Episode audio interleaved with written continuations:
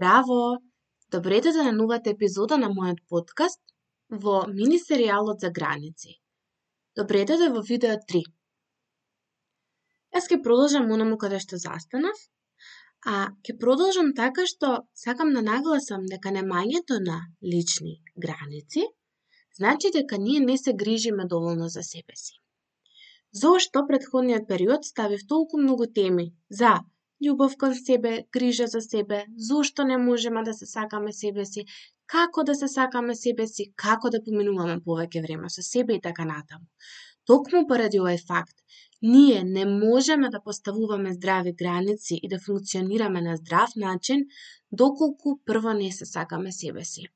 Само и исклучиво од позиција на љубов кон себе си, ние можеме да поставиме здрави граници, односно да поставиме граници од позиција на една самоувереност, а не од позиција на заштита, како би можеле да не ги повредиме ниту другите, ниту себе си. Ние сме тие кои што сме одговорни за поставувањето на нашите граници, како и исполнувањето, односно задоволувањето на нашите потреби и секако желби. Кога некој друг нас ќе не повреди, ние сме одговорни за тоа како ќе се справиме. Можеме постојано да зборуваме за тоа како другиот е лош, како другиот не ги искршил сите граници, како другиот не не почитува и така натаму, како тој тој направил вака и така, меѓутоа, Тоа не е нешто кое што може да ни помогне. Тоа го правиме во функција да се искажеме, да се испразниме, да имаме вентил, да го уважиме тоа што ни се случило и да уважиме како се чувствуваме, но не е нешто кое што доколку го направиме, магично ќе се постави границата и нешто ќе се промени. И мислам дека овој магичен круг е нешто со кое што многумина се соочуваат, односно да се жалиме, да зборуваме, да кажуваме како се чувствуваме, без притоа да преземеме одговорност да ја поставиме границата. Зошто?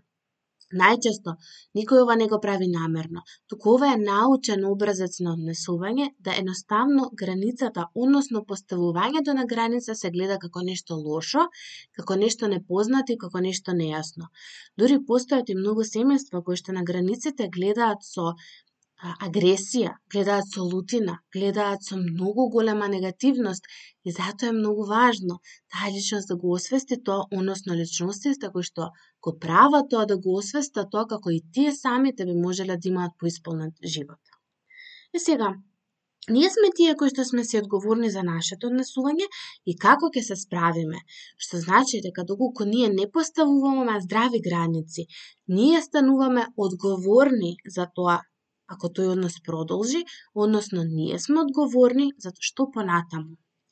Јас ветив и верувам дека во следната епизода ќе зборувам за одговорноста наспроти вината, меѓутоа тука и сега само сакам да дадам еден пример. Да речеме, замислете дека вашата свекрва доаѓа ненајавена на гости. И тоа е незин начин на функционирање, таа смета и мисли дека тоа е правилно, дека тоа е нормално и дека тоа едноставно е така. Зошто?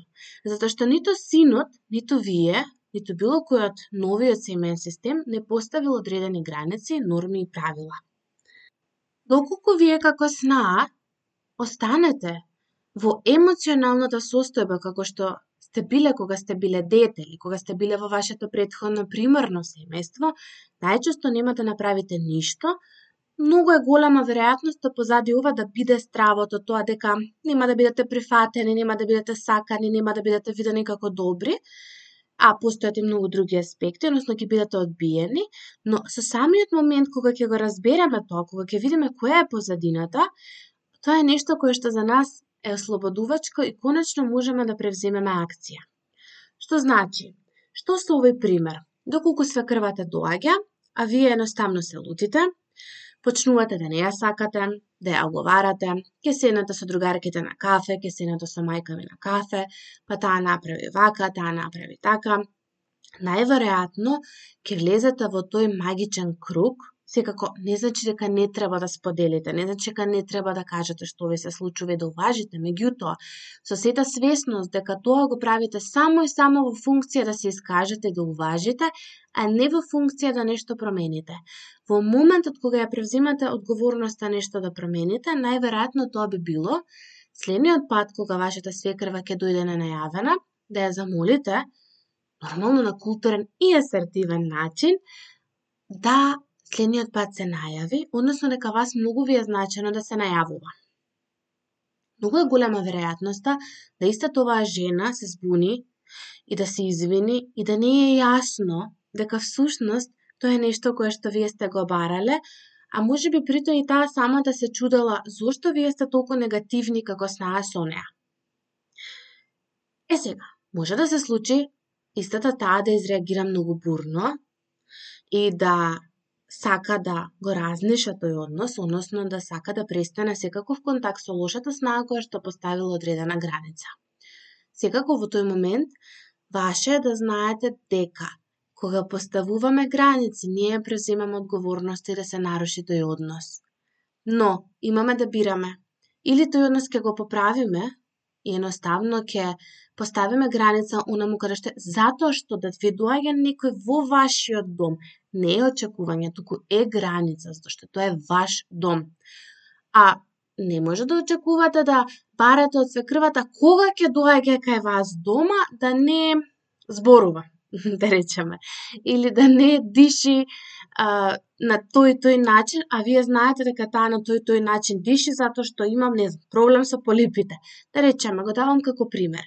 Ве молам не, не се фаќајте само за овој пример, туку некако пошироко пробете да размислите и за други примери во вашиот живот.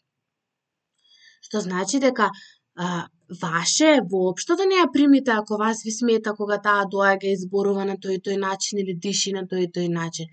Тоа е веќе ваша одговорност, односно моментот дека може слободно да станете и вие да се заминете или вие никогаш да не ја викнете, но да бидете свесни дека тоа ќе го уништи вашиот однос или да пробате неколку начини како таа граница да се постави. Доколку мислите дека вашиот сопруг исто така е дел од овој процес, и може да ви биде поддршка, може да го замолите и него, да го прашате и него на кој начин неговата мајка помалку би се навредила и така натаму, односно на кој начин неговата мајка ќе може границата да ја прими како добре дојдене, како чин на љубов, а не како чин на лутина. Јас пак ќе повторам, ова е еден од начините да се постави граница и има разлика од очекувањето, што значи граница е да вие ја замолите вашата свекрва следниот пат кога ќе доаѓа да се најави предходно, да ви се јави на телефон, да ви пише порака и така натаму, кога ќе доаѓа дома, а очекување е кога ќе дојде дома таа да треба, не знам, нешто да ви донесе и така натаму. Значи тоа веќе не е граница. И верувам дека со овој пример ќе може малку појасно да се гледа разликата што е очекување, а што е граница и кој е начинот на поставување на граница. Да, знам дека е многу тешко, затоа што навистина многу е тешко да се прифати дека некој од нас може многу да се наруши, дури да престане, меѓутоа ние можеме да бираме.